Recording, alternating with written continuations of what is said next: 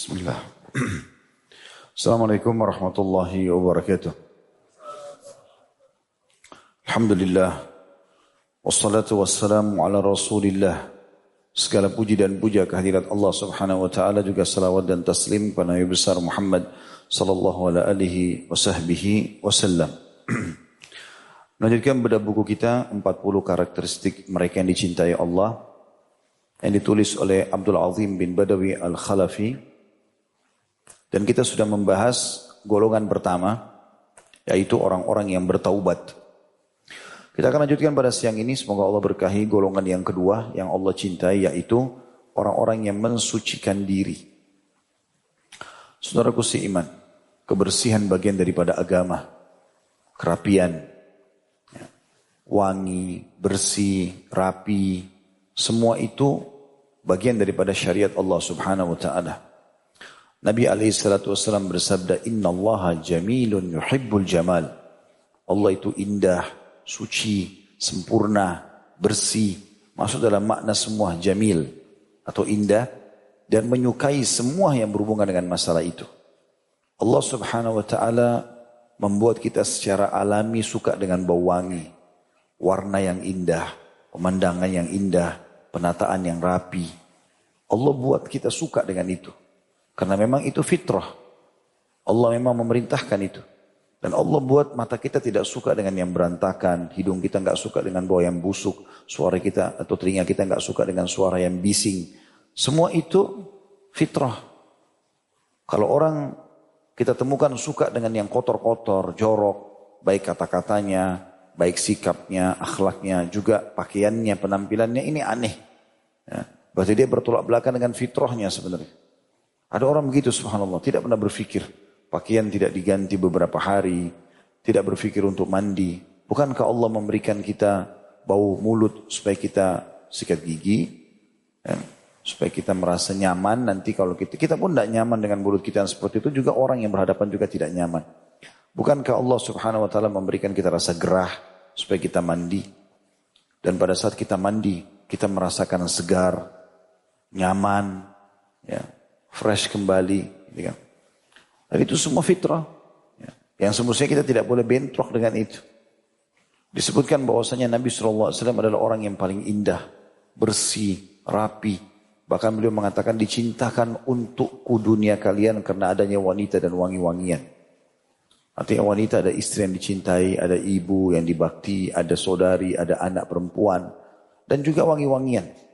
Dan saking cintanya Nabi SAW dengan wangi-wangian sampai beliau sering kali terlihat oleh para sahabat menetes minyak wangi dari rambutnya alaihissalatu Jadi seperti orang yang mandi dengan wangi-wangian itu. Dan Nabi SAW kalau bersalaman dengan para sahabat, maka mereka ada yang mengatakan kami menemukan bau wanginya sampai beberapa hari.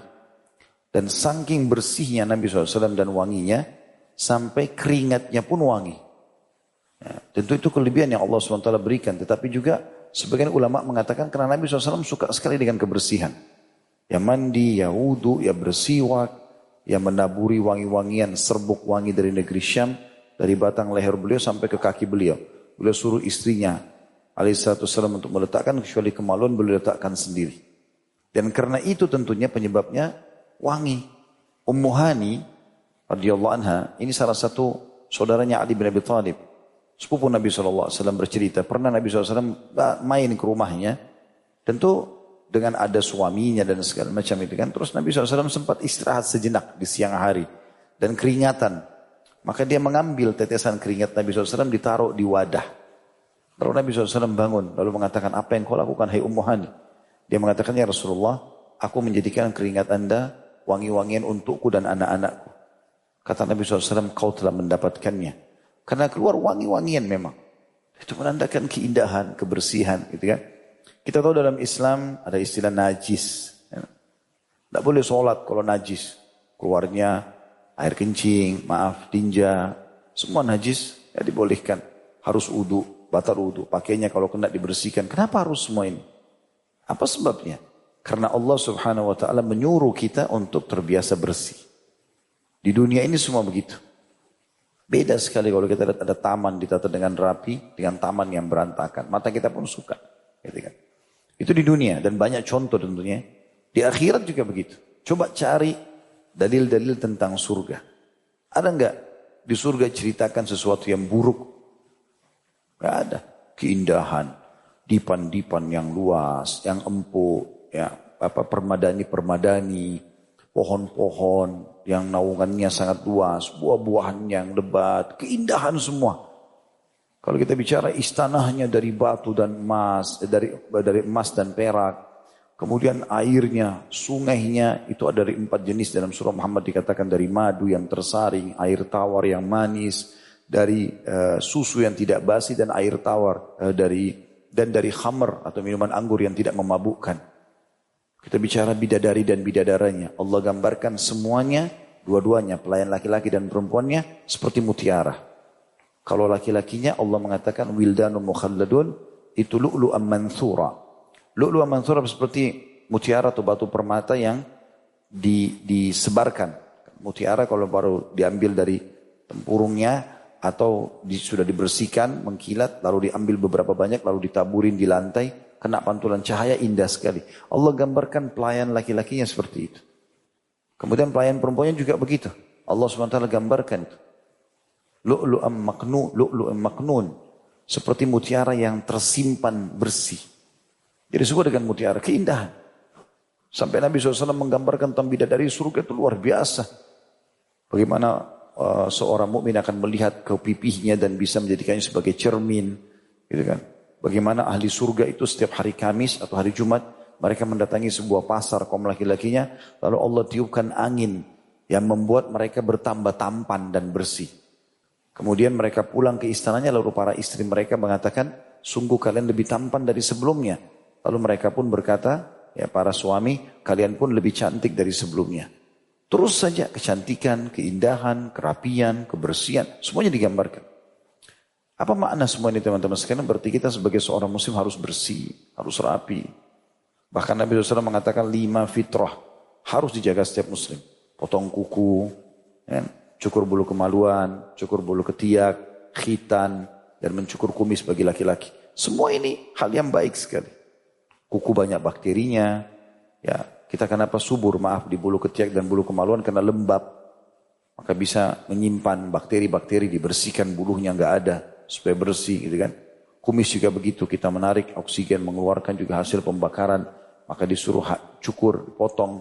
Fitrah khitan juga begitu untuk kebersihan sehingga tidak ada kotoran karena itu akan sering dipakai untuk menuangkan sperma dan itu juga akan menjadi bibit manusia dan sekian banyak hal, banyak sekali kalau kita mau bahasin.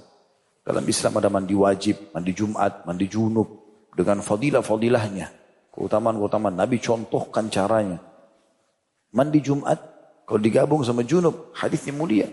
Kata Nabi SAW, siapa yang mandi di hari Jumat seperti mandi junub. Ya.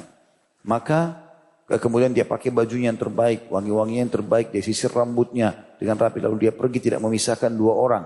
Lalu dia sholat yang diperintahkan, maksudnya tahiyat masjid. Lalu dia dengarkan khatib pada saat bicara, lalu dia sholat Jumat, maka diampuni dosanya yang lalu.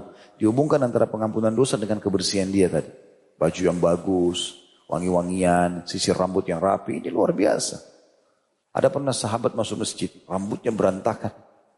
Nabi SAW lihat, Nabi bilang, sampaikan orang itu. Suruh sisir rambutnya dulu dengan rapi, baru kemudian dia masuk ke masjid. Suruh rapikan, suruh bersihkan gitu kan. Seperti itulah dan sekian banyak dalil berhubungan dengan masalah itu. Berarti teman-teman, golongan yang kedua yang kita bahas ini selain yang pertama orang tobat adalah orang yang suka dengan bersih dan rapi. Itu bagian daripada syariat. Kata beliau di sini penulis, golongan kedua orang-orang yang mensucikan diri, Allah subhanahu wa ta'ala berfirman dalam surah Al-Baqarah ayat 222. Tentu ini bicara tentang masalah haid ya. Di akhir ayatnya, A'udzubillahi minasyaitonirrajim. Innallaha yuhibbut tawwabin wa yuhibbul mutatahhirin. Sesungguhnya Allah menyukai orang-orang yang suka bertaubat dan juga mencintai orang-orang yang suka mensucikan diri. Makna mensucikan diri adalah bersih. Mandi, wudhu, cebok, segala macam ini masuk dalamnya. Menggunakan siwak, semua itu. Ya, pokoknya menghindarkan bau-bau yang tidak sedap. Seperti itu. Dan itu memang harus jadi simbol seorang muslim. Yang kita sayangkan sekarang ini banyak, banyak umat Islam jauh dari ini. Saya pernah buat tablik akbar di Sulawesi Selatan waktu itu judulnya Aku suka, aku mencintai kebersihan dan kerapian. Nah, memang itu bagian daripada agama kita. Jadi diri kita, pakaian kita, lingkungan kita, kendaraan, motor sama mobil, simbol seseorang bersih gak? Lihat. Itu juga dengan rumahnya. Ya. Kita masuk rumahnya, ada rumah kita masuk, nyamannya luar biasa. Wangi, lantainya bersih, sofanya bagus, bersih. Itu boleh dalam Islam. Bahkan dianjurkan. Ada orang subhanallah, tidak berantakan semuanya. Ya, kita sulit untuk menilai dari sisi mana mau dilihat rapinya. Yang ini berantakan, yang itu berantakan, yang ini kotor. Ya dia hanya kotor, pasti dia wariskan ke anak-anaknya juga semua yang kotor. Dan kalau Allah mencintai kebersihan, Rasulullah SAW suka dengan kebersihan, para malaikat juga suka dengan apa yang kita sukai manusia fitrah. Kata Nabi SAW, malaikat menyukai apa yang disukai oleh manusia dan juga membenci apa yang dibenci. Maksudnya apa yang dibenci itu seperti bau busuk segala macam. Malaikat tidak suka itu. Saya pernah baca tulisan di Masjid Nabawi, tentang larangan merokok.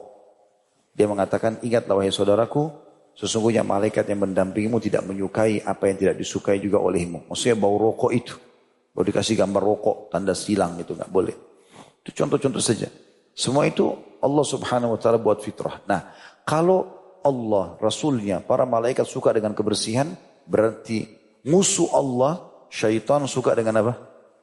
Kotor. Itulah dia suka yang kotor, yang bau, rumah yang rumuh, rubuh, yang kok, semua itu tempat kumuh-kumuh. Memang. Rumah-rumah yang lama tidak dihuni manusia, penuh dengan lawak-lawak kotor. Ada setannya? Ada setan. Memang. Maka menempati tempat-tempat seperti ini. Itu kan? Makanya harus kita hindarkan semua itu. Salah satu hal yang membantu, salah satu hal yang membantu bukan menjadi inti ya. Rumah yang orang sedang kena sihir, supaya bisa lekas sembuh selain rukyah, membersihkan rumahnya. Subhanallah ini teman-teman perukian juga banyak tahu masalah itu. Saya pernah berbagi masalah itu. Jadi harusnya termasuk dipandu. Ini loh yang numpuk-numpuk di gudang, yang barang-barang kotor, semua keluarkan. Karena memang tidak bisa. Itu berhubungan sama syaitan semua. Harus kita hindarkan. Tidak diperlukan sedekahkan ke orang. Jangan tumpuk-tumpukin barang. Apalagi barang-barang bekas, barang kotor, mendatangkan serangga, kotor, jorok, tikus banyak sana sini. Ini semua penyebabnya adalah karena kita sendiri nggak menjaga kebersihan itu. Kemudian dikatakan juga di dalam jadi ini Allah mencintai ya. Allah suka dengan orang yang suka bertaubat, dia buat salah lalu dia segera kembali kepada Allah. Sudah kita bahas bab tobat yang lalu dan mencintai orang yang suka bersuci atau membersihkan diri. Dan firman Allah SWT juga turun kepada penduduk Kuba. Kuba di sekitar eh, Madinah. Surah At-Taubah ayat 108. Allah memuji laki-laki atau penduduk yang ada di sekitarnya. Allah mengatakan potongan ayatnya, A'udzubillahi minasyaitonirrajim, fihi rijalun yuhibbuna ayyatatahharu wallahu yuhibbul muttahhirin. Di dalamnya di sekitar Masjid Kuba ada orang-orang yang ingin atau suka sekali mensucikan diri dan Allah menyukai orang-orang yang suci. Ada sebuah hadis menjelaskan kenapa Allah SWT turunkan firman-Nya ini karena penduduk Kuba menggabungkan antara dua jenis pensucian. Istinja dan istijmar. Istinja berarti bersih dengan air. Cebok dengan air. Kalau tidak ada air kita pakai apa? Istijmar, batu. Ya, batu yang bersih. Tapi nggak boleh kotoran yang kering ya, kotoran yang tapi batu. Maka penduduk Kubah karena sukanya dengan bersih, mereka selain cuci dengan air juga mereka membersihkan, melengkapkan dengan batu setelah itu. Ini Allah SWT puji mereka karena itu. Juga dari Anas bin Malik radhiyallahu anhu dalil yang lain bahwasanya ketika ayat ini diturunkan Rasulullah SAW bersabda, "Ya ma'syaral ansar, inna Allah qad athna 'alaikum fit tuhuri, fama tuhurukum?" Qalu natawadda lis-shalah wa nagtasilu minal janabah wa nastanji bil ma'. Qala fa huwa dzaka fa 'alaikumuhu. Wahai kaum Ansar, sesungguhnya Allah telah memuji kalian dalam hal kebersihan kalian. Penduduk Madinah dipuji, tadi terutama yang sekitar Kuba. Apakah sebenarnya kebersihan kalian? Apa yang kalian lakukan sampai turun ayat memuji kalian nih? Kata Nabi SAW. Mereka berkata, kami berudu untuk menegakkan sholat. Selalu kalau uduk batal, uduk lagi. Terus begitu dalam keadaan uduk. Dan kami mandi kalau kami junub. Dan membersihkan kotoran dengan air. Rasulullah SAW bersabda, ya memang itulah. Maka kalian perihalalah ia. Maksudnya selalu jaga itu. Hadis ini diriwayatkan oleh Ibnu Majah di jilid 1 halaman 127 dengan nomor 355 dan disahihkan oleh Syekh Albani. Maknanya adalah bahwa orang-orang yang mensucikan diri itu senantiasa membersih, membersihkan hadas kecil dan hadas besar dengan menggunakan air. Hadas itu sesuatu yang kotor maksudnya. Kalau hadas kecil seperti kencing, buang air besar, keluar angin, ya itu kita membersihkan diri. Kayak kita cebok, kalau keluar angin tentu berarti batal uduk-uduk lagi ya. Eh, cebok tadi misalnya buang air besar, buang air kecil. Kalau hadas besar berarti mandi junub. Hadas besar, junub ya. Dikatakan di sini maknanya adalah bahwa orang-orang yang mensucikan diri itu senantiasa membersihkan hadas kecil dan hadas hadas besar dengan menggunakan air. Demikian pula dalam membersihkan najis dengan air. Jadi kalau ada tertumpah di lantai segala macam dibersihkan, disucikan dengan air. Sehingga sampai hilang bekasnya, hilang baunya. Allah telah memerintahkan yang demikian dalam firman-Nya dalam surah Al-Maidah ayat 6. A'udzu billahi minasyaitonir rajim. Ya ayyuhalladzina amanu idza kuntum ila sholati faghsilu wujuhakum wa aydiyakum ila al-marafiqi wamsahu wamsahu bi ru'usikum wa arjulakum ila al-ka'bayn wa in kuntum junuban fatahharu وإن كنتم مرضى أو على سفر أو جاء أحد منكم من الغائط أو جاء أحد منكم من الغائط أو لامستم النساء فلم تجدوا ماء فلم تجدوا ماء فتيمموا صعيدا طيبا فامسحوا بوجوهكم وأيديكم منه. ما يريد الله ليجعل عليكم من حرج ولكن يريد ليطهركم وليتم نعمته عليكم لعلكم تشكرون. Hai orang-orang beriman, apabila kamu hendak mengerjakan sholat, maka basuhlah mukamu dan tanganmu sampai dengan siku. Saya udu ini ya. Dan usaplah to, sapulah, eh, maaf, usap, sapulah kepalamu, lalu basuh kakimu sampai kedua mata kaki. Dan jika kamu junub, maka mandilah. Dan jika kamu sakit atau dalam perjalanan atau kembali dari tempat buang air, maksudnya WC maaf, atau menyentuh wanita atau perempuan. Itu bisa bermakna biologis, lalu kamu tidak memperoleh air, maka bertayamumlah dengan tanah yang baik atau bersih. Sapulah mukamu dan tanganmu dengan tanah itu. Allah tidak Allah tidak hendak atau tidak ingin menyulitkanmu, tapi Dia, Dia besar kata ganti Allah, hendak membersihkanmu dan menyempurnakan nikmatnya bagimu supaya kamu bersyukur. Alhamdulillah. Firman Allah, "Auja ahadum minkum minal ghaid" atau kembali dari tempat buang air besar, adalah istilah untuk buang hajat. Ini adalah urusan yang adab-adabnya terdapat dalam Islam. Sampai seorang Yahudi tertegun-tegun karenanya. Maka dia berkata kepada Salman Al-Farisi. Qad allamakum nabiyyukum sallallahu alaihi wasallam kulla syai'in hatta al-khira'ah. Faqala ajal. Laqad nahana an nastaqbil al-kiblata li gha'itin aw baul. Aw an nastanji'a bil yamin. Aw an nastanji'a bi aqalla min thalathati ahjar au an nastanjiya biraji'in au bi'azmin. Dikatakan artinya sesungguhnya sungguhkah nabimu telah mengajarkan segala sesuatu kepadamu sampai masalah buang hajat? Maka Salman radhiyallahu anhu berkata, "Ya, tentu. Sungguh beliau telah melarang kami menghadap kiblat jika buang air kecil, jika buang air besar atau kencing atau bercebok dengan tangan kanan atau bercebok kurang dari tiga batu. Kalau nggak ada air, kita pakai batu kan, tiga batu. Atau bercebok dengan kotoran hewan atau dengan tulang. Hadis ini riwayat Muslim di jilid 1 halaman 223 dengan tepatnya nomornya 262. Tirmidzi jilid 1 halaman 13 nomor 16. Abu Daud jilid 1 halaman 24 nomor 7. An-Nasai jilid 1 halaman 38 dan Ibnu Majah jilid 1 halaman 115 nomor hadisnya 316. Dari sini teman-teman kita ambil hal yang luar biasa. Kalau ayat tadi Al-Maidah ayat 6 mengajarkan kita wudhu. Bagaimana kita wudhu. Yang sudah kita tahu semua caranya. Tentu saya telapak tangan, kumur-kumur, hidung ya. Bahkan kita dianjurkan untuk kumur-kumur maksimal namanya madmadah. Dan ulama fikih menjelaskan madmadah itu adalah memasukkan air maksimal dalam mulut dan menggoyang-goyangkannya ke seluruh rongga mulut. Di kanan, di kiri, di bawah, di atas. Baru membuangnya. Kemudian ada istinsyak. Istinsyak itu menghirup air. Bukan cuma sekedar taruh di ujungnya, menghirup. Kemudian istinsar, membuang dengan kuat dengan tangan kiri. Supaya upil-upil ini sudah nggak ada. Ya, dibuang semuanya. Kemudian begitu juga dengan wajah, kepala, dan kaki. Dan Allah mengatakan, kalaupun kalian tidak dapat air, maka tetap bersuci. Pakai debu atau tanah yang bersih. Dan Allah mengatakan semua itu karena Allah ingin tidak menyuditkan kalian. Tapi Allah ingin mensucikan kalian. Supaya kalian bersih. Allah suka dengan yang bersih-bersih. Gitu kan. Seperti itulah. Juga di sini bagaimana Salman Al-Farisi ini memang pernah radhiyallahu anhu kita pernah bedah di serial sahabat ya. Beliau pernah menjadi budak ya, di, di seorang Yahudi yang akhirnya ditebus tentunya ya. Eh, dengan kalau tidak salah seribu pohon kurma. Jelas beliau tebus dan Nabi SAW membantunya untuk itu dan para sahabat. Intinya teman-teman sekalian, Salman waktu itu ditanya oleh majikannya itu. Sambil mengatakan apakah memang Nabi kalian mengajarkan semua termasuk buang hajat? Kata dia iya, semuanya diajarkan.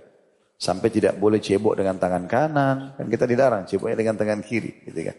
Bagaimana kita membersihkannya. Dan segala macam. Dan kalau kita lebih dalam masuk ke dalam bab fikih ini. Sampai ulama membahas tentang hati-hatinya seorang muslim dari tidak cebok yang penyebab siksa kubur itu. Itu karena tidak cebok. Beliau sallallahu alaihi wasallam di dua kuburan, dua penghuni ini sedang disiksa dan mereka disiksa dengan sesuatu yang tidak dianggap besar tapi ketahui itu besar. Salah, salah satunya adu domba yang satu tidak cebok pada saat kencing. Kalau orang berpikir cebok apa sih? Gitu kan. Kalau air kencing sudah selesai. Enggak. Harus. Kalau enggak jadi penyebab siksa kubur. Ancamannya berat. Gitu kan. Enggak diterima dan seterusnya. Nah, ini menandakan luar biasa bagaimana perhatian Islam dalam masalah-masalah seperti ini. Baik kita masuk lebih dalam teman-teman sekalian diangkat oleh penulis tentang karena kita sudah tahu pentingnya kebersihan dan kerapian, maka ada adab-adab bersuci. Disebutkan di sini, adab yang pertama dalam bersuci adalah dianjurkan bagi orang yang akan memasuki kamar mandi, eh, kamar kecil atau dalam kurung WC untuk membaca doa. Membaca bismillah, Allahumma inni a'udzubika minal khubuthi wal khaba'ith. Dengan menyebut nama Allah, Ya Allah sungguhnya aku berlindung kepada engkau dari syaitan laki-laki dan syaitan perempuan. Dari Ali radhiyallahu anhu dia berkata bahwa Rasulullah SAW juga bersabda, "Sitru ma bainal jinni wa aurati bani Adam idza dakhala al-khala ay yaqula bismillah." Penutup yang membuat jin tidak bisa melihat aurat-aurat Bani Adam, anak Adam kayak kita manusia, jika dia masuk atau akan masuk WC, hendaklah dia mengucapkan Bismillah. Dan ini keduanya tentu diambil dari riwayat Tirmidzi jilid 2 halaman 59 nomor 606 dan Ibnu Majah jilid 1 halaman 109 di nomor 297 dan Syekh Albani sebutkan dalam Sahih Tirmidzi nomor 606. Juga dari Anas radhiyallahu anhu masih di poin pertama ini ya. Dia berkata bahwa Rasulullah SAW bersabda apabila memasuk, apabila Rasulullah bahwa Rasulullah SAW apabila memasuki WC beliau mengucapkan Allahumma inni a'udzubika minal khubuthi wal khaba'ith Ya Allah aku kepada engkau dari syaitan laki-laki dan syaitan perempuan. Hadis ini riwayat Bukhari jilid 1 halaman 242 nomor 142, Muslim jilid 1 halaman 283 nomor 375, Abu Daud jilid 1 halaman 21 nomor 4, Ibnu Majah jilid 1 halaman 109 nomor hadis 298, Tirmidzi jilid 1 eh, halaman 7 nomor 6 dan An-Nasai jilid 1 halaman 20. Di sini teman-teman sekalian menandakan memang karena kamar mandi, WC secara tepatnya bukan kamar mandi ya, WC, tempat buang air besar, buang air kecil, berarti kita sedang membuang kotoran. Maaf tinja dan kencing ya. Nah ini disukai oleh syaitan. Subhanallah mereka suka yang buruk-buruk seperti itu. Yang bau busuk, yang kotor, yang jorok itu disukai sama syaitan. Maka supaya kita pada saat itu tidak ikut-ikutan dengan sifat-sifat syaitan, yang suka dengan kotoran itu, maka kita dianjurkan berlindung sama mereka sebelum masuk. Sehingga kita tetap dalam fitrah kita tidak suka dengan kotoran itu. Ada orang subhanallah aneh itu. Dia suka dengan begitu-begitu. Suka dengan bau-bau yang tidak sedap gitu kan. Bahkan ada yang pernah saya lihat foto cuplikan buat restoran piringnya dari tempat buang air besar. Wana'udzubillah. Ini aneh betul. Dan orang bangga datang makan di sana. La haula wa la quwata illa billah. Ini sudah mati selera atau apa ya gitu. Hah? Aneh benar gitu. Sangat aneh itu kan melawan fitrah. Gitu kan. Baru itu dihidangkan bakso lagi. Hah? Kan aneh benar gitu. Jadi itu fitrah tidak boleh. Salah satu makna doa ini adalah syaitan suka dengan kotoran-kotoran itu, ya Allah kami berlindung supaya jangan kami digoda sama syaitan itu. Masalah satu maknanya. Makna yang lain, karena orang di dalam WC sering lalai, kita kan tidak bisa berzikir di kloset, tidak bisa baca Quran, kan dilarang. Maka pada saat itu syaitan kesempatan menguasai kita. Karena syaitan akan kewalahan kalau kita lagi baca Quran, kita lagi di majelis ilmu begini. Kita, godaannya ada tapi tidak berat. Beda dengan kalau kita lagi kosong, jadi zikrullah. Kapan kita maksiat teman-teman? Pada saat kita jauh dari Allah. Lagi duduk di sofa, pegang remote TV, nonton. Nah, itu kita lagi lalai. Kita kan tidak mungkin sambil nonton film India terus zikir zikrullah kan tidak mungkin. Pasti orang lagi mengkhayal, bayangkan itu, lihat ini, lihat auratnya orang, merenungi lagunya dan segala macam. Dikuasai sama syaitan. Nah kita kalau baca doa ini sebelum masuk kamar mandi, syaitan nggak bisa menguasain kita. Dari situ Allah sudah tameng. Makna hadis ini juga uh, apa namanya hijab atau satr ya penutup artinya mereka tidak bisa lihat aurat kita. Ya, kalau kita baca ini syaitan tidak bisa mengetahui kalau kita ada di dalam situ atau tidak atau tidak ada. Kuasa Allah SWT. Kita tidak tahu bagaimana. Tapi itu dengan hikmah Allah SWT. Jadi jangan lupa baca doa ini. Pendek gitu kan. Sebelum masuk baca. Begitu juga pada saat keluar kita baca gufronak atau membaca seperti di poin nomor dua. Dikatakan jika keluar dianjurkan mengucapkan gufronak atau ya Allah aku memohon ampunanmu. Dari Aisyah radhiyallahu anha dia berkata bahwa Rasulullah SAW apabila keluar dari kamar mandi atau WC, beliau mengucapkan, Ya Allah, aku memohon ampunanmu atau kufranak. Hadis sahih diriwayatkan Abu Dawud jadi satu halaman 52, nomor 30 Tirmidzi jadi satu halaman 7, nomor 7 dan Ibnu Majah jadi satu halaman 110, nomor hadisnya 300. Ini saya pernah jelaskan itu ya, saya pernah sampaikan, saya pernah hadiri uh, majelisnya Profesor Dr. Abdul Razak di Madinah. Saya pas habis sholat subuh, pas hadir di majelisnya beliau, kebetulan beliau lagi bahas hadis ini. Dan saya pun baru mengetahui pada saat itu, subhanallah. Beliau mengatakan di antara hikmah, kenapa kita membaca kufranak pada saat keluar kamar mandi, karena ada, pendapat sebagian ulama mengatakan, karena ada jeda di mana kita tidak mengingat Allah pada saat itu. Maka itu sudah cukup dianggap sebuah kelalaian. Maka kita mohon pengampunan. Salah satu maknanya itu. Yang ketiga adabnya dianjurkan juga jika masuk kamar kecil mendahulukan kaki kiri dan mendahulukan kaki kanan apabila keluar darinya. Kalau eh, karena pendahuluan eh, karena pendahuluan dengan sebelah kanan adalah untuk urusan yang mulia, sedangkan mendahulukan sebelah kiri adalah untuk urusan yang tidak mulia. Dan yang menunjukkan hal ini telah ada secara global. Ya. Maksudnya adalah ini perintah agama dalam syariat Allah Subhanahu Wa Taala. Yang sudah masyhur masuk kaki kiri keluar kaki kanan. Kalau masjid terbalik masuk kanan keluar kiri. Ya. Ini jangan dianggap remeh ya. Hanya dengan melangkah kaki saja ini sudah mengikuti perintah Allah SWT. Jangan pernah anggap remeh. Kata Nabi SAW, La tahkiranna minal ma'rufi syai'a. Jangan anggap remeh ya, dengan sebuah kebaikan walaupun itu kecil. Dalam sebuah hadis yang sahih lain, kata Nabi SAW, Aku diperlihatkan dari umatku. Dari kita, umat Islam. Ya. Allah maksudnya nanti dia masuk surga. Ada seseorang yang, yang dia menikmati surganya hanya karena dia pernah memindahkan duri atau sesuatu yang berbahaya dari jalanan. perbuatan yang orang anggap remeh. Ada batu, ada kayu, mampir sebentar, pinggirkan. Membahayakan orang lain gitu. Allah ampuni dosa-dosa dengan itu. Allah masukkan ke dalam surga. Yang keempat, adabnya jika di tempat yang luas, dianjurkan untuk menjauh agar tidak dapat terlihat. Dari Jabir radhiyallahu anhu dia berkata, Kharajna ma'a Rasulillah sallallahu alaihi wasallam fi safarin wa kana Rasulullah sallallahu alaihi wasallam la ya'til baraza hatta yataghayyaba fala yura. Suatu ketika kami keluar bepergian bersama Rasulullah SAW dan beliau SAW tidak membuang hajat besar sampai menjauh sehingga tidak dapat terlihat. Hadis ini diriwayatkan oleh Ibnu Majah uh, di halaman 335 ya. Dan juga Abu Daud di satu halaman 18-19 nomor 2. Hadis ini tentunya memberikan gambaran kalau orang ada di tempat umum ya dan memang di zaman Nabi SAW dan di generasi-generasi yang datang setelahnya kayak tabi'in, sahabat tabi'in ini semua memang mereka belum mengenal WC dalam rumah. Jadi mereka kalau mau buang hajat, mohon maaf ini harus ke padang pasir. Jauh. Tapi hadis ini tetap berlaku tentunya bagi orang yang lagi dalam perjalanan gitu kan. Karena ada orang subhanallah bukan lagi di tempat perjalanan jauh. Di tengah kota kadang-kadang. Dia bukannya mampir ke minimarket, supermarket, izin masuk. Atau mungkin bayar WC umum. Karena kadang mau lari dari seribu, dua ribu rupiah, kencing di jalanan kencing di got, dilihat semua orang. Ini bahaya sekali. Ada banyak kasus terjadi itu. Orang kesurupan gara-gara itu. Dia kencing sembarangan, buang air di tempat lapangan yang kosong tanpa baca bismillah dan seterusnya. Akhirnya ini didatangi oleh syaitan, masuk ke badannya. Yang kelima, dianjurkan agar tidak mengangkat pakaiannya terlebih dahulu sehingga dekat dengan tempat buang air. Dari Ibnu Umar radhiyallahu anhu dikatakan anna Nabi SAW karena idza arada hajatan fala yarfa'u thawbahu hatta yadnuwa minal ard bahwasanya Nabi SAW apabila ingin membuang hajat beliau tidak mengangkat pakainya sehingga dekat dengan tempatnya.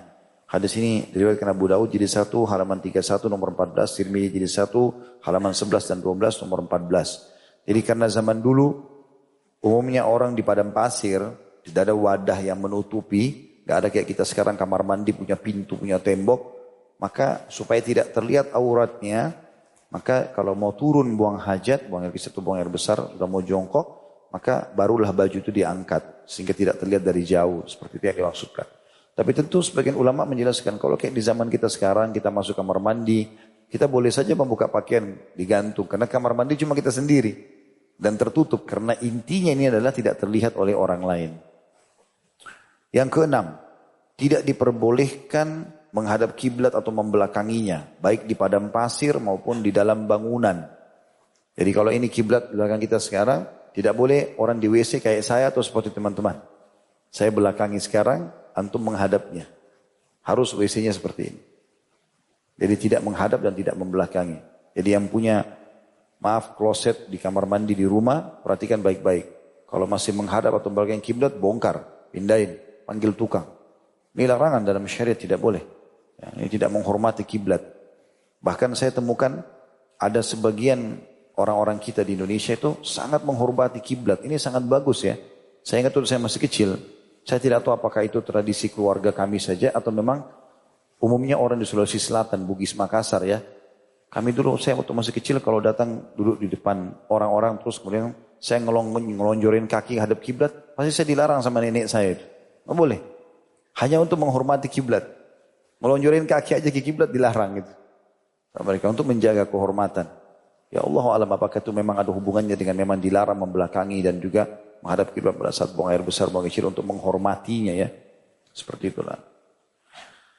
Yang jelas dari Abu Ayyub dalilnya radhiyallahu anhu dia berkata bahwa Rasulullah SAW bersabda idza ataitumul ghaid fala tastaqbilul qiblata bi ghaid wala baul walakin syarriku aw gharribu faqad faqadimna faqadimna asy-syam wa wajadna marahidha kad buniyat qibla al-qiblati faqulna nanharifu anha wa nastaghfirullah.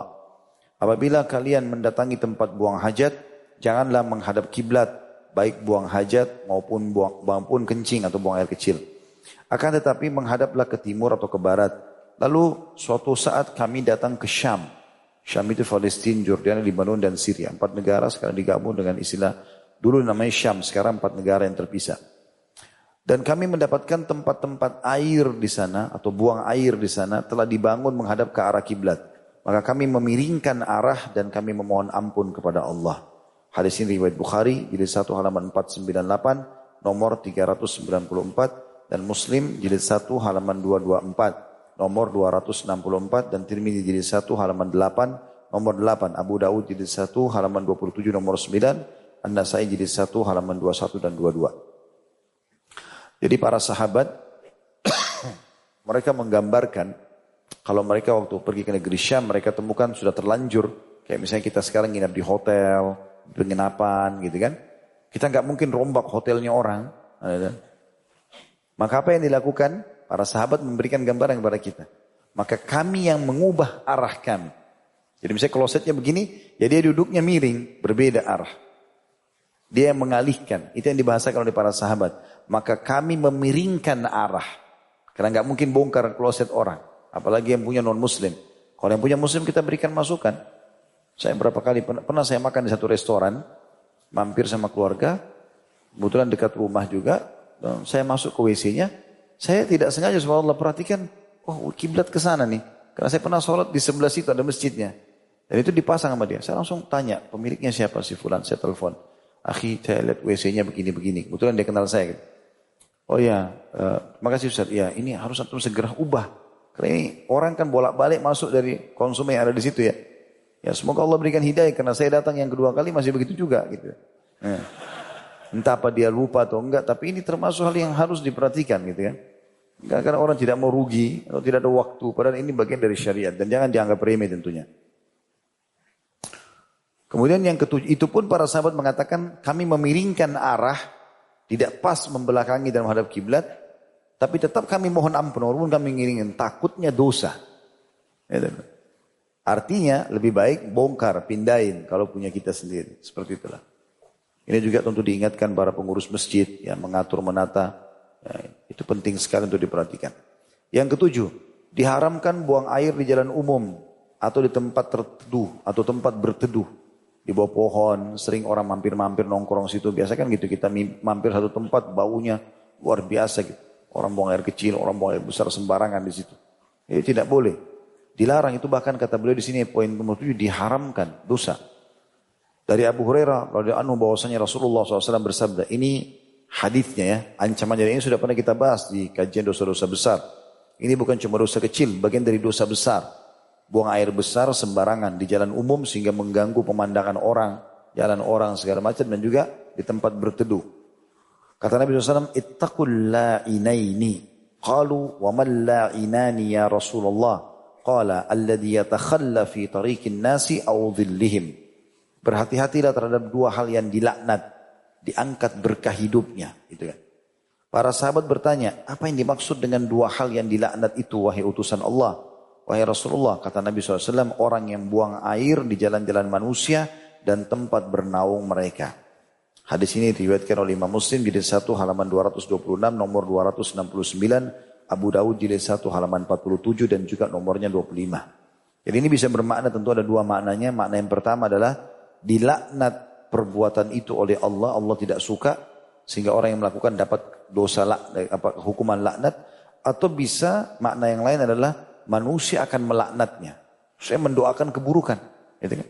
Saya orang mampir di halte bus atau orang mampir di mana tempat bernaung lagi hujan di bawah pohon, baunya nggak sedap. Maka bisa saja orang-orang yang mampir itu mendoakan keburukan. Dia kena laknatnya manusia. Itu bisa maknanya. Yang kedelapan dimakruhkan kencing di tempat mandi. Ini termasuk adabnya. Disebutkan dalam dalilnya dari Humaid al-Himyari.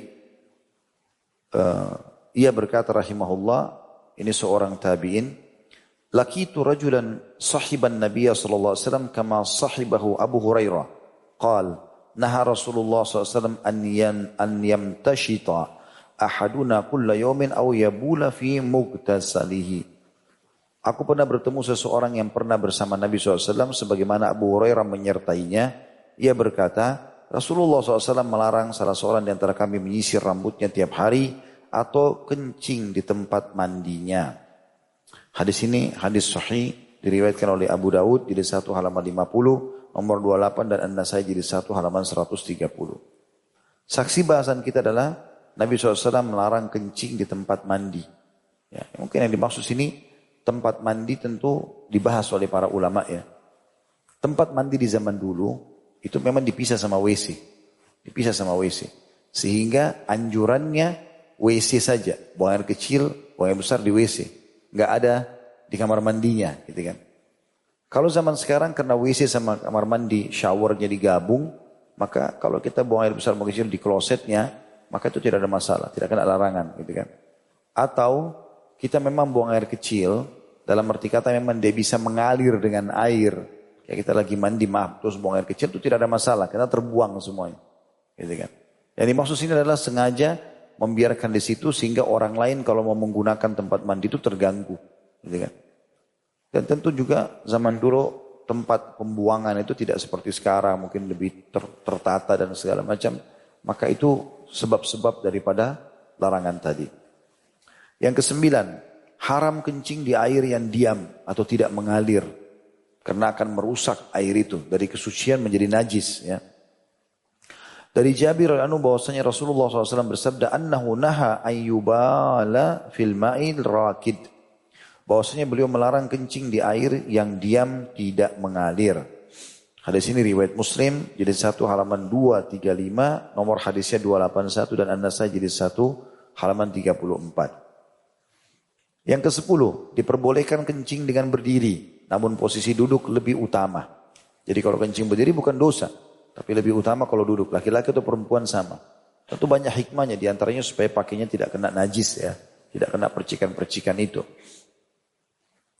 Hadisnya adalah dari dari Hudzaifah radhiyallahu anhu dia berkata, "Kuntu ma'an Nabi sallallahu alaihi wasallam fantaha ila subatati qaumin fabala qa'iman fatanahaitu faqal faqal udnu fadanautu hatta kumtu inda akibaihi fatawadda'a famasaha ala khuffaihi." Suatu saat aku bersama Nabi SAW, beliau menuju tempat buang air suatu kaum, lalu kencing dengan posisi berdiri. Kemudian aku menjauh. Beliau pun berkat, bersabda, mendekatlah. Kemudian aku mendekat sehingga aku berdiri di sampingnya. Lalu beliau beruduk dan mengusap kedua khufnya atau sepatu kulitnya. Hadis ini riwayat Bukhari jadi satu halaman 329, nomor 222, Imam Muslim jadi satu halaman 22, 228, nomor hadisnya 273, 273 Tirmidzi jadi satu halaman 11 nomor 13, An-Nasai jadi satu nomor 9 atau halaman 19, Abu Daud jilid 1 halaman 44 sampai 46, nomor 23 dan Ibnu Majah jilid 1 halaman 111 nomornya 305. Hadis ini memberikan gambaran kepada kita tentang bolehnya kencing berdiri. Walaupun banyak dalil yang menjelaskan lebih afdal orang duduk, baik laki-laki ataupun perempuan ya. Tapi dari ini menjelaskan masalah itu. Dan yang dimaksud dengan Nabi SAW menyuruh mendekat, sahabat yang mulia ini Hudhaifah anhu, pada saat Nabi SAW sudah selesai kencing untuk membantu beliau menuangkan air wuduknya. Karena tradisi Nabi SAW itu kalau beliau mau wuduk sering kali dibantu oleh sahabat yang memegang alat, uh, wadahnya untuk dituangkan. Dan ini juga disebutkan dalam beberapa riwayat yang lain. Seperti diriwayatkan oleh Al-Mughirah Ibn Syu'bah radhiyallahu anhu Beliau pernah berkata Nabi SAW beruduk dan aku tuangkan airnya sampai tiba pada saat beliau mencuci kakinya. Maka aku merunduk untuk membuka khufnya, kaos kaki. Atau sepatu kulitnya karena di musim dingin biasa dipakai itu. Ya. Maka Nabi SAW mengatakan, Da'huma fa inni adkhaltuhuma tahiratan. Biarkan aja dua kaos kakiku ini atau sepatu kulitku ini karena aku memasukkannya dalam keadaan suci. Ya, jadi kalau orang pakai kos kaki, laki-laki sama perempuan, ikhwah akhwat sekalian, kita boleh kalau keluar sebelum keluar rumah kita wudhu lalu pakai kos kaki. Nah, kalau kita pakai kos kaki, kapan kita batal wudhu di jalanan? Kita cukup nanti e, mengusap bagian atas kaos kaki, khusus kakinya, ya. tangan semua tetap berjalan, kumur-kumur, hidung, wajah, kepala, ya. Kepas kaki tinggal diusap bagian atasnya. Dan ini sesuai dengan statement Ali radhiyallahu anhu, kalau agama ini bisa di nilai dengan akal, maksudnya akal jadi tolok ukurnya, maka tentu mengusap khuf, kaos kaki itu, ya itu lebih pantas bagian bawah daripada bagian atasnya. Karena yang kotor kan bagian bawah. Tapi agama memang mengikuti wahyu, maka bagian atasnya yang diusap. Bagi mukim boleh sehari semalam, dan bagi musafir tiga hari tiga malam. Kecuali kalau dia junub, dia wajib mandi, di sini dia harus buka khufnya. Yang ke sebelas, diwajibkan untuk membersihkan diri dari kencing. Dari Ibnu Abbas radhiyallahu anhu dia berkata, "Marra Rasulullah SAW ala qabraini faqal am ama innahuma la yu'adzabani wa ma yu'adzabani fi kabir. Amma ahaduhuma fakana yamshi bin namimah wa amma al-akharu fakana la yastatiru min bauli." Rasulullah SAW melewati dua kuburan lalu bersabda, "Ketahuilah bahwasanya keduanya sungguh sedang disiksa dan keduanya disiksa bukan karena masalah dosa besar Adapun salah seorangnya dulu selalu mengadu domba, sedangkan yang lain dahulu tidak membersihkan diri dari kencing. Hadis ini riwayat Bukhari jadi satu halaman 317, nomor hadisnya 216, Imam Muslim jadi satu halaman 240, nomor hadisnya 292, Tirmidzi jadi satu halaman 47, nomor hadisnya 70, Abu Daud jadi satu halaman 40 sampai 42, nomor hadisnya 20 dan An-Nasai jadi satu halaman 28. Di sini kita sudah tahu tentu teman-teman sekalian bahwasanya hukum cebok wajib. Bahkan masuk mungkin dalam kategori dosa besar kalau tidak dilakukan. Ya. Dan itu harus bersih ceboknya. Ya. Khilaf antara ulama tentang masalah berapa kali dia cebok intinya atau berapa kali dia membersihkan intinya dia memastikan tidak lagi tetesan kencing kemudian dia baru membersihkan kemaluannya. Yang kedua belas, tidak memegang kemaluan dengan tangan kanan secara khusus ya. Baik cebok ataupun ada sesuatu dia menggunakan salep atau apa kecuali tangan kirinya lagi ada masalah, sakit atau yang seterusnya. Jadi tidak boleh menyentuh apa pun alasannya kemaluan dengan tangan kanan. Ketika kencing, ya, tidak memegang kemaluan dengan tangan kanannya ketika kencing. Juga tidak cebok dengan tangan kanannya. Diambil daripada riwayat Abu Qatadah radhiyallahu anhu dia berkata, aku pernah mendengar Rasulullah sallallahu alaihi wasallam bersabda, "Idza bala ahadukum fala yamassa dzakarahu bi yamini wa la yastanji bi yamini." Jika salah seorang di antara kalian atau di antara kamu kencing, janganlah memegang kemaluannya dengan tangan kanannya. Dan jangan membersihkan kotoran dengan tangan kanannya juga. Hadis ini sahih riwayat Ibnu Majah jadi satu halaman 113 nomor hadisnya 310. Ini banyak sekali saya sering lihat terutama di bandara ya. Mudah-mudahan saja mereka bukan muslimin. Tapi banyak antara muslimin kencing berdiri kelihatan sekali mereka cebok dengan tangan kanan. Yang tidak cebok dengan cebok dengan tangan kanan banyak sekali. Mereka habis kencing, tutup celananya pergi. Gitu kan? Kemudian juga begitu pada saat cebok. Jalankan air, tangan kanannya yang pegang membersihkan kepala. Ini semua larangan dalam syariat. Jadi tidak dibolehkan. Yang ketiga belas, adabnya diperbolehkan untuk membersihkan najis dengan air, batu atau yang semakna dengannya. Namun dengan air lebih utama. Dari Anas radhiyallahu anhu, Anas bin Malik dia berkata, karena Rasulullah SAW yadkhulul khala'a fa'ahmilu ana wa gulamun nahwi idawatan min ma'in wa anazatan fayastanji bil ma' Rasulullah SAW memasuki kamar kecil atau WC maka saya bersama seorang anak kecil sepertiku membawa tempat kecil berisikan air dan tongkat lalu beliau membersihkan diri dengan air tersebut Hadis ini diriwayatkan oleh Bukhari jadi satu halaman 252 nomor hadisnya 152 Muslim jadi satu halaman 227 nomor 271 An-Nasai jadi satu nomor halaman 42 dan dalam redaksinya tidak ada lafaz an anaza atau tombak. Juga dari Aisyah radhiyallahu anha beliau berkata bahwasanya Rasulullah SAW bersabda, "Idza dhahaba ahadukum ila al-ghaiti falyadhhab ma'ahu bi thalathati ahjarin yastatibu bihinna fa innaha tujzi anhu."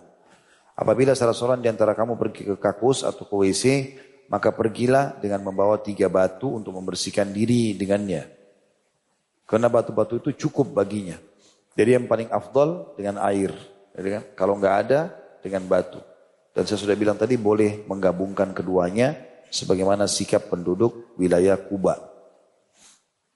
Itu ada 15 poin ya adabnya. Yang ke-14 tidak diperbolehkan kurang dari tiga batu kalau kita bersuci dengan batunya. Dari Salman radhiyallahu dia berkata dikatakan kepadanya kat allam allamakum kana allamakum nabiyyukum sallallahu alaihi wasallam kulla syai'in hatta al-qira'ah Faqala ajal laqad nahana an nastaqbil al-qiblata li ghaitin aw baul aw an as an nastanjiya bil yamin aw an nastanjiya bi aqalla min thalathati ahjar aw an nastanjiya bi raji'in aw bi admin Sungguh, sungguh, sungguhkah NabiMu telah mengajarkan segala sesuatu kepadamu sampai urusan buang hajat? Salman berkata, iya tentu. Sungguh beliau telah melarang kami menghadap kiblat ketika buang hajat besar, buang, buang air kecil atau kencing dan membersihkan kotoran dengan tangan kanan atau membersihkan kotoran kurang dengan atau dari tiga batu atau membersihkan kotoran dengan kotoran hewan ataupun tulang. Yang sudah kita sebutkan takhrijnya ya atau kita sudah keluarkan hadisnya tadi. Tinggal yang terakhir adabnya di poin nomor 15 tentang masalah ini. Tidak diperbolehkan membersihkan najis dengan tulang atau kotoran hewan. Ya, jadi usahakan batu, murni batu. Dari Jabir al dia berkata, Nah Rasulullah SAW ayyumassaha bi'admin au biba'rin. Rasulullah SAW melarang membersihkan kotoran dengan tulang atau dengan kotoran kering. Hadis ini diriwayatkan oleh Imam Muslim Jilid 1 halaman 224 nomor 262 Abu Daud jilid 1 halaman 60 sampai 61 nomor hadisnya 38. Jadi termasuk nggak boleh itu kalau kalau apa namanya kita temukan ada kotoran hewan yang sudah kering. Ya, itu tidak dibolehkan karena biasanya agak mendekati dengan batu. Ya, bentuknya kena keras dan segala macam tapi tetap tidak boleh digunakan untuk bersuci. Di sini ada sifat wudhu. Kata beliau, wudhu merupakan salah satu syarat dari syarat-syarat sholat Allah Ta'ala telah memerintahkan agar berwudu dalam firmannya surah Al-Ma'idah ayat 6 A'udzu billahi minasyaitonir rajim. Amanu idza qumtum ila sholati faghsilu wujuhakum wa aydiyakum ilal marafiqi famsahu bi ru'usikum wa arjulakum ilal ka'bain. Hai orang yang beriman apabila kamu hendak mengerjakan sholat maka basuhlah mukamu dan tanganmu sampai ke siku. Dan sapulah kepalamu dan basuh juga kakimu sampai dengan kedua mata kaki. Dari Ibnu Umar radhiyallahu anhu dia berkata saya telah mendengarkan Rasulullah SAW bersabda la tuqbalu salatun bighairi tuhur. Tidak, sholat tidak akan diterima tanpa bersuci. Maksudnya bersih dari kotoran tadi, cebok kalau misalnya mau kecil, kemudian juga beruduk. Dan hadis ini, hadis sahih riwayat muslim, jadi satu halaman 204, nomor hadisnya 224, dan Tirmidzi jadi satu halaman 2, nomor 1. Syarat sahnya wudhu, supaya wudhu anda diterima, dan akhirnya sholat juga diterima, dan ini bagian daripada kesucian, ada empat. Yang pertama niat, sesuai dengan sabda Nabi SAW, innamal amalu bin niat, barang, e, sesungguhnya semua amal itu dihitung dengan niatnya. Hadis riwayat Bukhari, jadi satu halaman 9 nomor satu.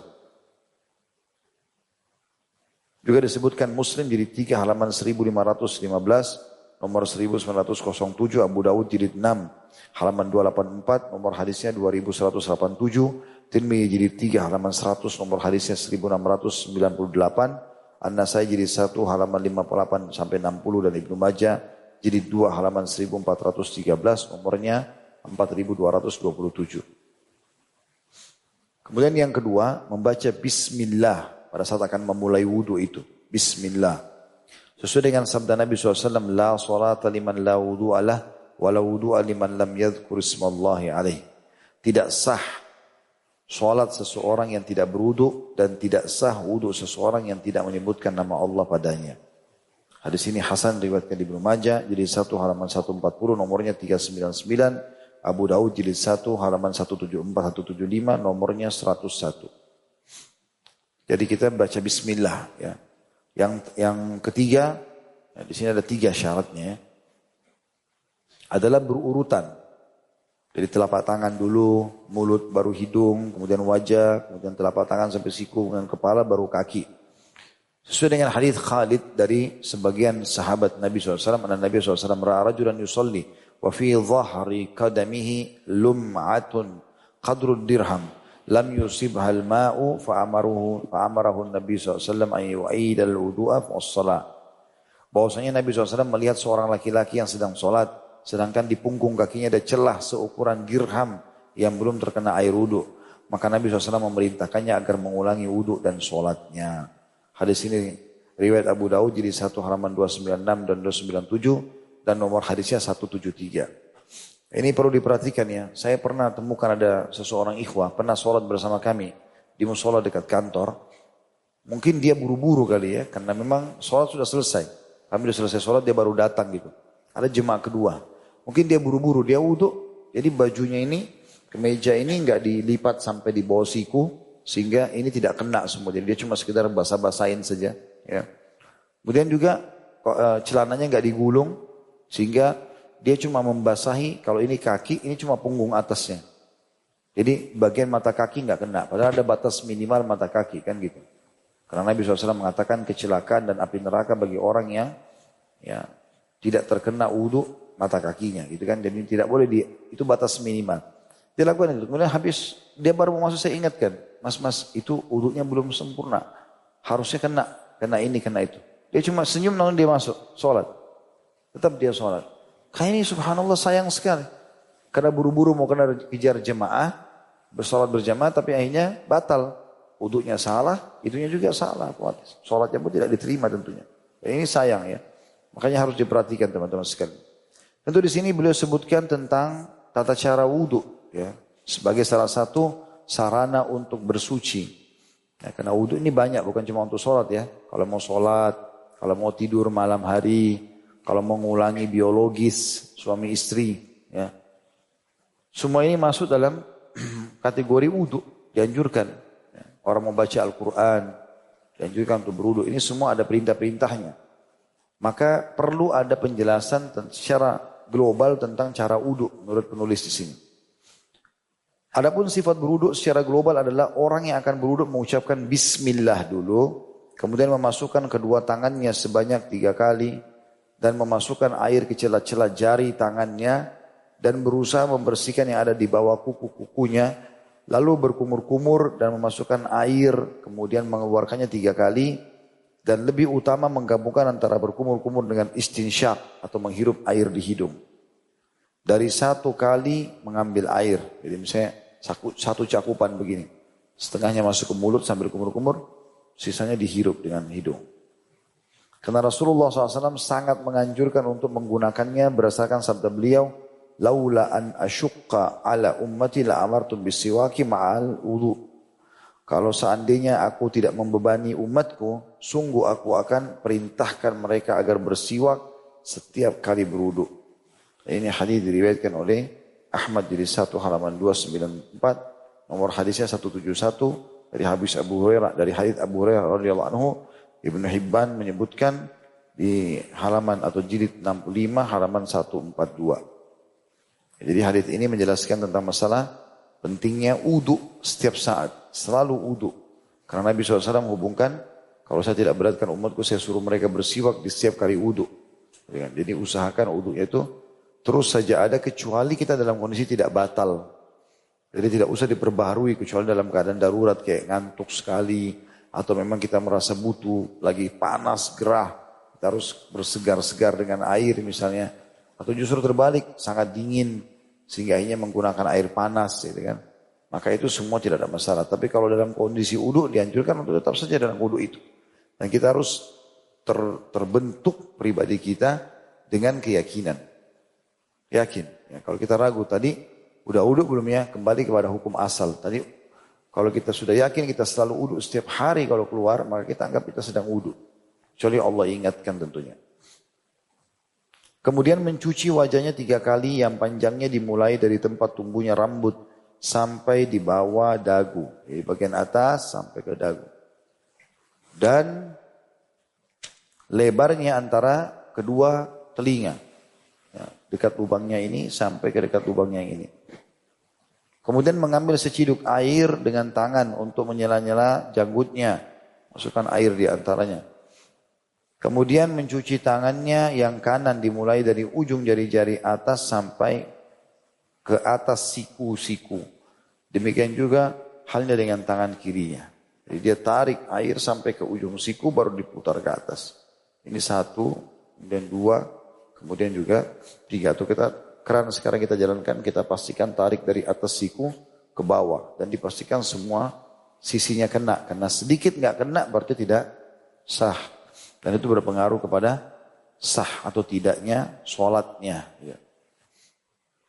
Imam Syafi'i berkata rahimahullah tidak cukup jika hanya mencuci kedua tangannya saja kecuali dengan dicuci antara ujung-ujung jari sampai siku-siku dan tidak cukup mencuci bagian atas dan bawahnya serta ujung-ujung jari sehingga sempurna dengan mencucinya. Karena bila ada yang ditinggal walaupun sedikit, maka tidak sempurna wudhu itu. Kemudian mengusap kepalanya dan wajib meratakannya. Kemudian mengusap kedua telingahnya bersamaan dengan mengusap kepalanya satu kali. Air dimasukkan di, di awal kepala, ditarik ke belakang, ditarik lagi ke depan, kemudian jari telunjuk masuk ke dalam lubang kuping, dan ibu jari memutar di belakang daun kuping. Ya, seperti orang lagi memijat. Kemudian mengusap kepalanya dan wajib meratakannya. Kemudian mengusap kedua telinganya bersamaan dengan mengusap kepalanya satu kali saja. Lalu mencuci kedua kakinya dimulai dari ujung-ujung jari kaki, kaki bagian atas sampai kedua mata kaki dan menyela-nyela celah-celah jarinya dengan air. Jadi antara jari sama jari ini penting supaya masuk semua air. Antara jari tangan sama jari kaki juga begitu. Karena apabila ia sudah mengenakan kaos kaki atau khuf dan mengenakannya dalam dalam keadaan suci dari hadas, maka hendaklah ia mengusap bagian atas khuf atau kaos kakinya. Jika sudah selesai, maka hendaklah ia membaca doa, doa yang masyhur ya, dua kalimat syahadat. Kalau kita sudah selesai wudhu. Sebagaimana hadis Umar dan Anu bahwasanya Nabi SAW atau Rasulullah SAW bersabda, "Man tawadda fa ahsana al-wudu'a thumma qala asyhadu an la ilaha illallah wahdahu la syarika lahu wa asyhadu Muhammadan abduhu wa rasuluh. Allahumma ij'alni minat tawwabin wa ij'alni minal mutatahhirin." futihat lahu thamanatu abwabi jannati yadkhulu min ayyiha sya' Barang siapa yang beruduk dan memperbagus uduknya, dia nikmati gerakan-gerakannya, kemudian mengucapkan, aku bersaksi bahwa tidak ada Tuhan yang berhak disembah kecuali Allah dan tidak ada sekutu baginya. Dan aku bersaksi bahwa Muhammad adalah hamba dan utusannya, ya Allah jadikanlah aku termasuk orang-orang yang bertaubat. Dan jadikanlah juga aku termasuk orang-orang yang mensucikan diri, maka pasti delapan pintu surga akan dibukakan baginya, dia bebas masuk dari mana saja yang dia kehendaki. Hadis ini diriwayatkan oleh Imam Muslim jadi satu halaman 209, nomor hadisnya 234, Abu Dawud jadi satu halaman 287 sampai 289, nomor hadisnya 168 dan Tirmidzi jadi satu halaman 38 nomor 55 dan juga redaksinya dari beliau dan An-Nasai jadi satu halaman 92 sampai 93. Jadi termasuk doa mulia ya. Bagaimana seseorang itu berusaha untuk membaca uh, syahadat setelah dia wudhu. Ini juga ada anjuran agar memperbanyak pahala dengan cara kalau batal wudhu, wudhu lagi. Sehingga dapat lagi keutamaan doa itu terus saja. Asyhadu an la ilaha illallah wahdahu la syarika lahu asyhadu anna Muhammadan abduhu wa rasuluh. Ya ini ada Allah maj'alni minat tawabin wa ja'alni minal mutatahhirin. Kita baca supaya terbuka delapan pintu surga boleh kita pilih yang mana kita masuk. Ya. Dan itu pada saat itu mintalah ya Allah berikan saya surga firdaus dan seterusnya. Allahu a'lam. Setelah kita bahas tadi hadis uh, mengucapkan dua kalimat syahadat setelah wudu dan kita ikuti dengan Allah maj'alni minat tawabin wa ja'alni minal mutatahhirin yang berarti dibukakan pintu surga padanya jadi dia bisa minta surga mana yang mau misalnya dia minta surga firdaus sebagaimana Nabi SAW mengatakan kalau kalian meminta surga mintalah surga firdaus ya karena dia termasuk tempat pertengahan dan juga tertingginya surga ya. Dan tentu di sini dua mulia selain syahadat dan ini menandakan bahwasanya kita harus selalu memperbaharui syahadat kita ya.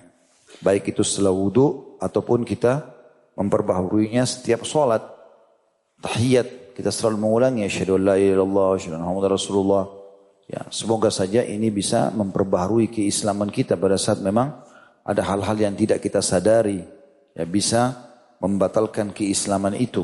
Ya. Kemudian ya Allah jadikanlah kami orang yang suka bertaubat. Ini sejalan dengan makna ayat Al-Quran tadi yang pertama kita bahas. Bahwasanya Allah menyukai orang-orang yang tobat dan menyukai orang-orang yang suka bersuci. Untuk meraih cinta Allah subhanahu wa ta'ala kita membaca ini. Ya Allah jadikanlah aku orang yang selalu bertaubat dan juga orang yang suka bersuci. Di dalam riwayat yang lain dari Abu Sa'id al-Khudri radhiyallahu anhu beliau berkata bahwasanya Rasulullah SAW bersabda, "Man tawadda'a faqal subhanakallahumma wa bihamdik asyhadu an la ilaha illa ant astaghfiruka wa atubu ilaik." Kutiba fi riqqin thumma tubi'a bi tabi'in fala yukassaru illa ya ila fala yukassaru ila yaumil qiyamah. Barang siapa yang berwudu lalu dia mengucapkan Tadi subhanakallah wa bihamdik. Ini mirip dengan doa kafaratul majlis ya. Doa kafaratul majlis sebenarnya. Maha suci engkau ya Allah. Aku mensucikanmu dan juga memujimu. Asyhadu an la ilaha illa anta aku bersaksi tiada Tuhan yang berhak disembah kecuali engkau astaghfiruka wa atubu ilaik aku bermohon ampun kepadamu dan bertaubat maka akan dituliskan ya, baginya ya di dalam lembaran kemudian diberi cap dengan satu cap yang tidak akan dikoyakkan sampai hari kiamat. Hadis ini sahih disebutkan oleh Al-Hakim jadi satu halaman 564 dan juga disebutkan dalam At-Targhib. At-Targhib di uh, di nomor atau di halaman 225. Di sini maknanya adalah Allah akan berikan dia pahala yang tidak akan pernah berkurang. Hanya dengan mengucapkan doa ini. Berarti kita memang selain kafaratul majlis dibaca kalau mau berdiri juga pada saat selepas wudhu. Bagi orang yang sudah berwudu dianjurkan untuk melakukan sholat dua rakaat yang biasa kita kenal dengan sholat sunnah wudhu. Dari Abu Hurairah radhiallahu bahwasanya ia berkata Rasulullah SAW bersabda kepada Bilal pada waktu sholat subuh, Ya Bilal, hadithni bi arjah amalin amiltahu indaka fil islami manfaatan. Fa inni sami'tu laylata khasfana alaika baina yadayya fil jannah. Qala Bilal, ma amiltu amalan fil islami arja indi manfaatan min an ata min min anni la atatahharu tuhuran tamman fi sa'atin min lail wala nahar illa sallaitu bidzalika tuhuri ma kataballahu li an usalliya. Wahai Bilal, katakanlah kata Nabi SAW kepadaku, suatu amalan yang telah kau kerjakan dalam Islam yang lebih banyak engkau harapkan manfaatnya bagimu. Karena tadi malam aku mendengar suara kedua sandalmu di hadapanku dalam surga. Maksudnya bisa Isra dan Mi'raj. Ya. Bilal lalu menjawab, tidaklah aku berbuat satu amalan dalam Islam yang lebih banyak aku harapkan manfaatnya daripada amalanku yang mana tidaklah aku bersuci, berudu dengan sempurna baik di waktu malam maupun di waktu siang melainkan dengan bersuci itu aku menegakkan solat yang telah ditakdirkan Allah bagiku untuk melakukan solat.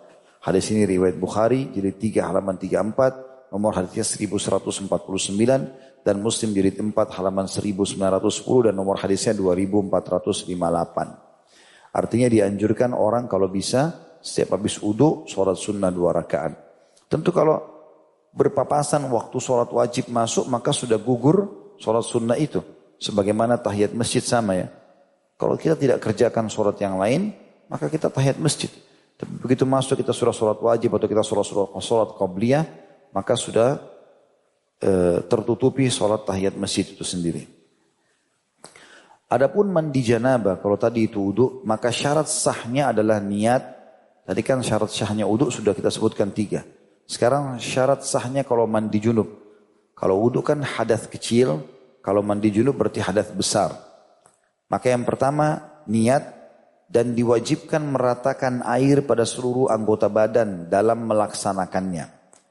Sifat yang dianjurkan adalah disebutkan dalam sebuah riwayat Aisyah radhiyallahu anha ia berkata, karena Rasulullah sallallahu alaihi wasallam idza al janabati yabda'u fayaghsilu yadayhi thumma yufrigu bi yaminihi ala shimalihi fayaghsilu farjahu thumma yatawadda'u wudhu'ahu lis-salati thumma ya'khudhu al-ma'a fayudkhilu asabi'ahu fi usuli asy-sya'r hatta idza ra'a an qadista qadistabra'a hafana ala ra'sihi thalath hafanat thumma afada ala sa'iri jasadi thumma ghassala rijlaihi Rasulullah SAW apabila mandi karena junub beliau memulai dengan membasuh kedua tangannya dulu ya.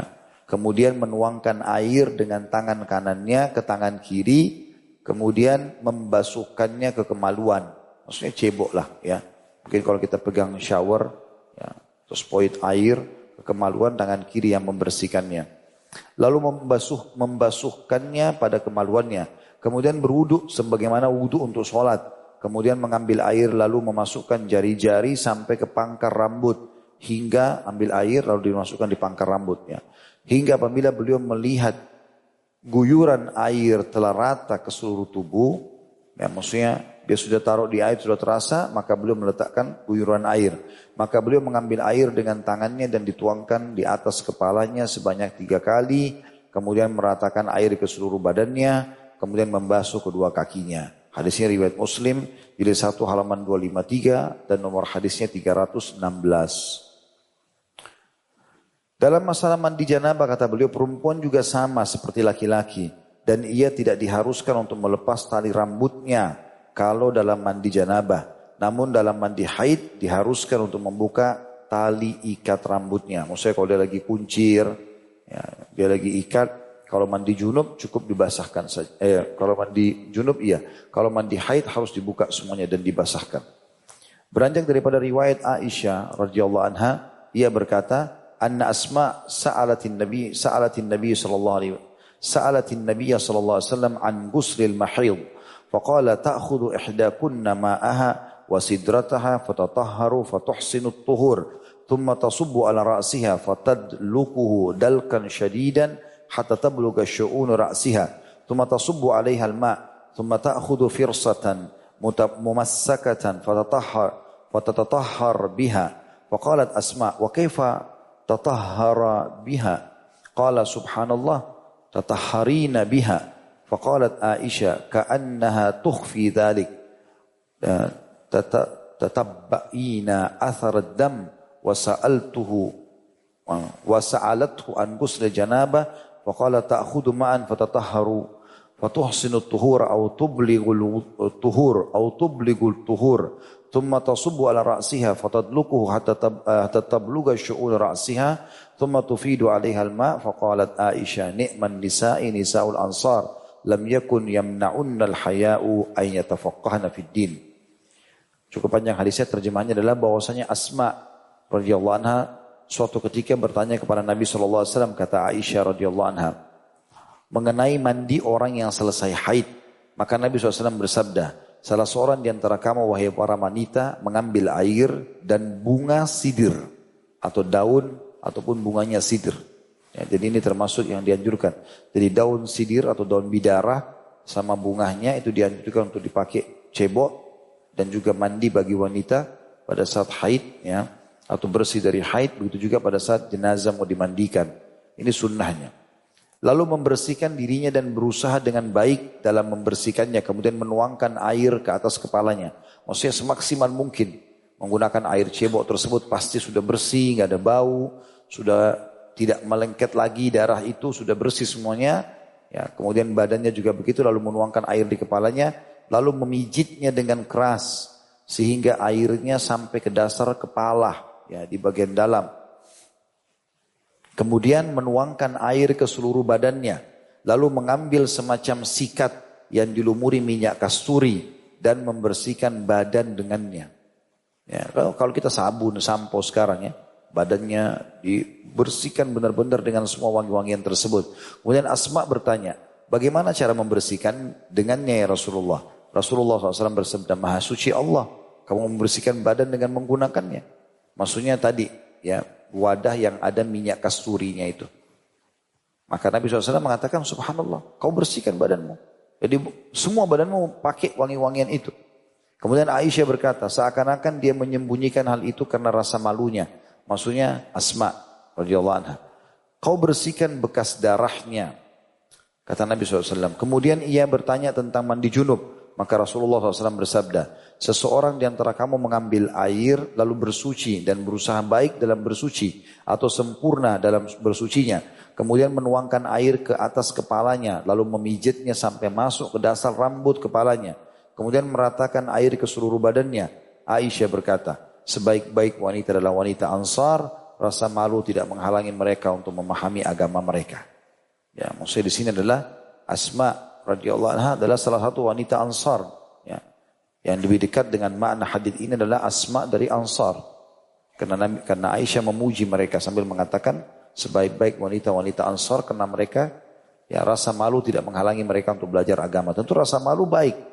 Tetapi kalau dalam hal tidak memahami agama atau dalam memahami agama dia malu bertanya ini tidak benar. Ya, ini tidak benar.